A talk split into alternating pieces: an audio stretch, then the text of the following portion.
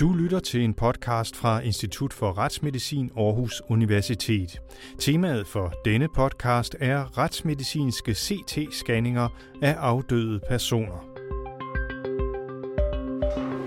Vi, de kommer her som regel fra morgenstunden, og så, så snart de kommer ind, bliver de scannet, inden de skal obduceres. Det er sådan ja. den normale rutine. Vi er i scannerummet i kælderen under Institut for Retsmedicin. Gør teknikeren klar, klar til, at, øh, at liget skal, skal komme ind til scanning. Og der er to mand, der er i gang? Lige nu er der to mand, ja. En, en kan også godt gøre det. Liget kommer så i en, i en bodybag og bliver løftet over på, på scannerlejet ved hjælp af sådan en, en, en hejs. I denne podcast følger vi hele processen omkring scanningen og hører om de fordele CT-scanninger bidrager med i det retsmedicinske arbejde.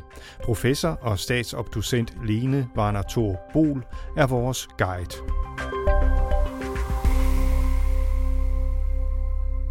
Vi begyndte sådan i det små, øh, ja, omkring sådan 2005, 6, 7 stykker, hvor man begyndte at få øjnene op, for man kunne bruge CT-scanning også på afdøde personer.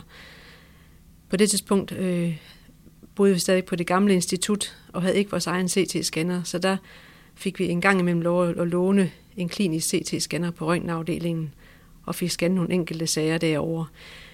Da vi så flyttede ud på det nye institut øh, i 2007, ville vi gerne have vores egen CT-scanner, øh, og den fik vi så i januar 2008, hvor vi fik den første øh, som var helt vores egen. Og det har vi så brugt lige siden til at, at scanne alle de afdøde, vi får ind til obduktion. Og så løfter man lige fra, fra borgeren over på, på scannerlejet, og sørger for, at det bliver placeret rigtigt med, med hovedet i, i hovedholderen. Man kan godt få et indtryk af, hvor hovedet er gennem bodybaggen. To retsmedicinske teknikere anbringer en afdød person på den borger, der om lidt vil køre livet igennem CT-scannerens såkaldte gantry, der bedst kan sammenlignes med en 2 meter høj, hvid donut, der er stillet på højkant. Når scanningen om lidt går i gang, roterer et røntgenrør inde i gantryet omkring den afdødes krop og optager 3D-billeder af alle detaljer i kroppen. Så ligger hovedet i, i hovedholderen, bliver lagt rigtigt med med næsen lige op i vejret. En CT-scanning den supplerer med, med rigtig mange vigtige informationer øh, i forbindelse med en obduktion. Øhm, for det første kan man sige, at, at man kan målrette sin obduktion mere, hvis man har en scanning, hvor man er vejledt i forhold til, hvad kunne være en dødsårsag her. Så kan man måske undlade at lave nogle, nogle specielle undersøgelser, som er, er dyre og, og på andre måder er, er tidskrævende eller, eller har omkostninger. Så det bliver mere rationelt, øh, hvilken obduktion man, man ender med at foretage. Derudover så giver den også nogle supplerende informationer til en obduktion, øh, især omkring øh, knogler, øh, fordi man får fremstillet alle kroppens knogler på en, en rigtig, rigtig god måde ved en CT-scanning. Og der er også nogle områder af kroppen, som er, er svære at, at få ordentligt indblik i ved en obduktion, så man får visualiseret øh, rigtig, rigtig godt på en CT-scanning. Også omkring blødninger. Hvis der er blødninger sidde i kroppen, ser man det øh, med det samme på en CT-scanning. Så tjekker man identiteten på tåsedlen, inden man taster ind på, på scannercomputeren, hvem det er, man scanner, så man er sikker på, at det er den rigtige person. Og så bliver lige spændt lidt fast med, med nogle velcrobånd, for en sikkerheds skyld, så det ikke bevæger sig overhovedet under, under scanningen når lejet kører frem og tilbage. Nu ligger livet korrekt i lejet, og vi forlader scannerrummet og går ind i det strålingssikrede kontrolrum sammen med retsmedicinsk tekniker Erling Laversen. Så lukker vi dørene her ind til selve scanneren. Så bliver der tastet personidentifikation ind på, på scannercomputeren. Og Erling, der er retsmedicinsk tekniker, har, har fået speciel uddannelse ved, ved, ved firmaet her til at, at betjene scanneren. Så det er han helt styr på. Er det svært? Nej, ikke når du først Nej, så er det rutine.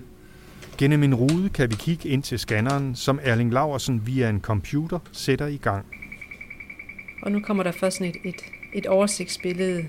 Nu kører lige hurtigt gennem scanneren, så man får et oversigt over, over hele kroppen. Så kan man simpelthen se livet her på, på skærmen, det dukker Ja. op her. Det er ligesom sådan et, et oversigtsrøntgenbillede, der kommer frem der. En CT-scanning kan give værdifulde oplysninger, som er nyttige for retsmedicinere, når de åbner livet i forbindelse med den efterfølgende obduktion. Scanningen kan for eksempel tydeligt vise, hvis en lunge er punkteret. Hvis man har en punkteret lunge, så er der så luft i, i det, vi kalder lungehulen. Hvis man ikke har mistanke om det, så opdager man det ikke nødvendigvis ved obduktionen.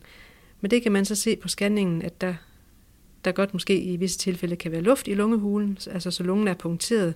Det kan godt være et uventet fund, og så må man forholde sig til det. Hvad, hvad er det så, vi tænker om sagen i, i, i det lys, og er det noget, man skal gøre ekstra så?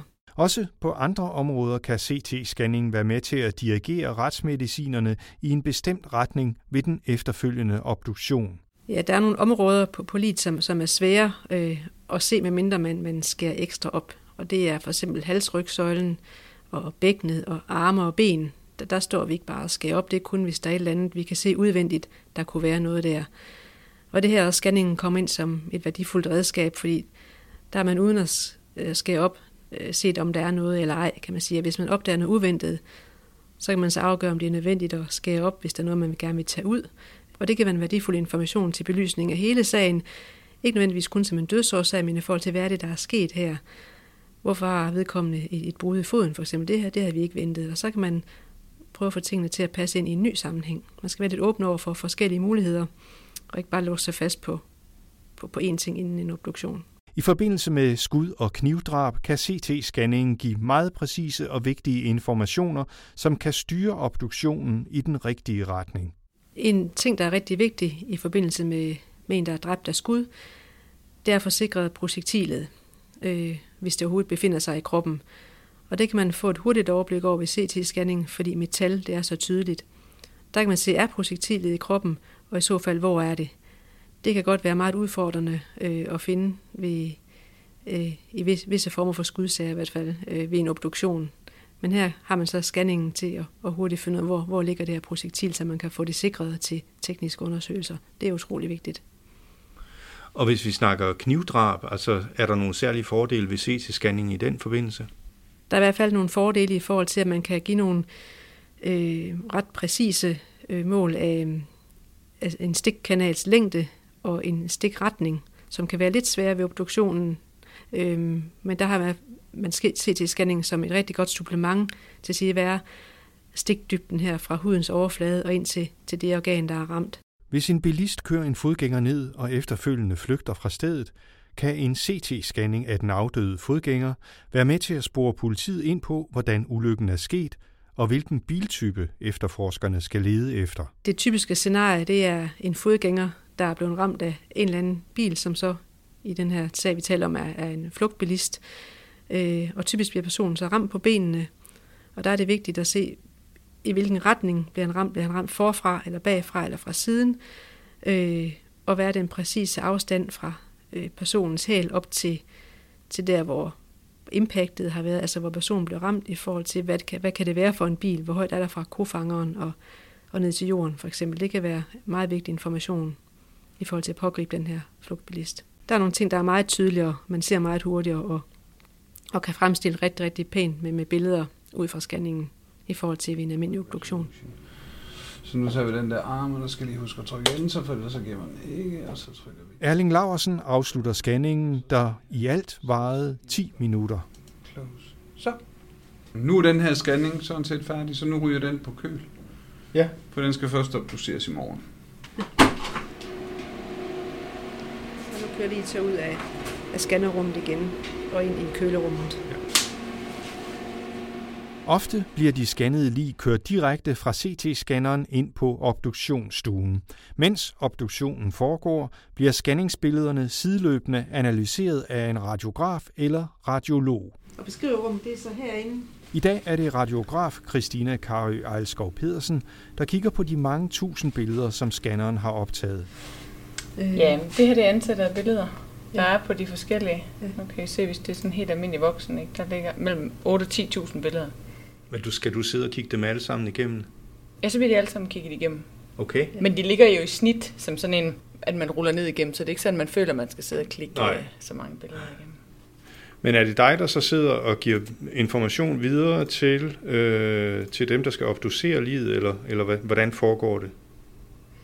Ja, når jeg har lavet en beskrivelse af, af det, som øh, en scanning som mænd for eksempel har scannet derinde, så bliver der lavet en beskrivelse, og den beskrivelse går jeg ind og afleverer ind på obduktionsstuen. Hvor lang tid tager det for dig at kigge alle de her billeder igennem? Det er meget forskelligt. Det er alt mellem en, time og tre timer, eller hvis det, er, hvis det er noget, hvor der er mange lesioner, så kan det godt tage, tage en del timer. Man skal dokumentere alt, hvad man finder, så man laver et billede af de, de fund, man nu ser. Og altså, når du kigger øh, sådan nogle scanningsbilleder igennem, hvad er det så, du særligt kigger efter? Jamen, man kigger sådan set efter alt muligt. Alting her. Normalvis på en klinisk afdeling, så har man et eller andet fokus, et bestemt område af kroppen, man kigger. om. her bliver hele kroppen scannet. Der er bløddel, og der er øh, knogler, man rekonstruerer i. Det er fordi, man kigger både bløddel og knogler igennem på alt i kroppen. Øh, på alle knogler og alt det bløddel, man nu har. Alle organer og ja, for at se. Og man ved jo ikke, hvad man finder, så man skal kigge det hele igennem. Så alle organer skal kigges igennem. CT-scanningerne giver retsmedicinerne nye redskaber til dokumentation af de fund, de gør, og dokumentationen kan gemmes digitalt til evig tid.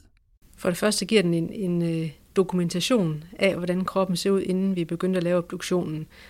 Øh, fordi vi skriver nogle meget udførlige erklæringer, hvor vi forklarer, hvad vi har set. Man kan også tage fotos. Men her har vi i hvert fald en dokumentation af, hvordan var kroppen overhovedet, lige da vi fik den ind i huset, helt urørt. Og den dokumentation vil, vil ligge der for evigt, for det gemmer vi. Vi gemmer alle scanningsbillederne. Og derudover kan vi så også øh, ud fra scanningen danne nogle billeder øh, til retslig brug, som vi for eksempel kan lægge i erklæringen eller tage med i retten, som illustrerer nogle ting på sådan en, en neutral måde i forhold til fotos taget under en obduktion. Altså, der er simpelthen ikke så meget blod, når man kigger på et, et scanningsbillede, som hvis det er et, et billede fra en obduktion. Nej, altså de fleste personer synes jo, at billeder taget under obduktion er, er lidt makabre at se på, ikke? Øh, og, og det er meget mere neutralt at, at se på, på billeder dannet ud fra en scanning, og på den måde kan man få en mere savlig fremstilling af, af det budskab, man har med sit billede. Med CT-teknologien har retsmedicinerne fået et redskab, der gør det muligt at kigge ind i kroppen, inden de åbner den. Lene Warner Thor Bol tror dog ikke, det kommer så vidt, at CT-teknologien helt vil erstatte obduktioner. Men i visse tilfælde kan en scanning være med til at afgøre, om en obduktion er nødvendig eller ej. I visse tilfælde vil scanningen kunne give nok information omkring dødsårsag og dødsmåde, til at man kunne sige, her er det ikke nødvendigt med en obduktion for at få belyst de spørgsmål, politiet har stillet. Der kan scanningen godt i visse tilfælde kunne, kunne stå alene. Så tror du, at en, en, en, en skønne dag, altså jeg ved, det er ikke sådan i øjeblikket, men at, at, at man måske vil fravælge obduktion og så bare øh, støtte sig til CT-scanningen? Jeg kunne i hvert fald forestille mig, at i forbindelse med, med de retslige ligesyn, vil det give rigtig god mening at supplere dem med en CT-scanning, og lade de to ting øh, give en vejledning af, om det er nødvendigt med en obduktion eller ej. Og jeg kan også se i andre situationer, vil man måske ved scanningen få nogle nye oplysninger, der gør, at man faktisk tænker, okay, her skal vi alligevel have en obduktion, hvor vi ikke ønskede en i første omgang. Mm. Så det giver en bedre faglig vejledning af, hvem det er nødvendigt at obducere, og hvem det ikke er nødvendigt at obducere.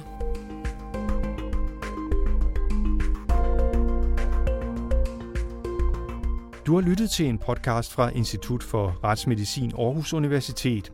Du kan finde flere podcast om arbejdet på Institut for Retsmedicin i Aarhus i din podcast-app eller på instituttets hjemmeside www.forensic.au.dk.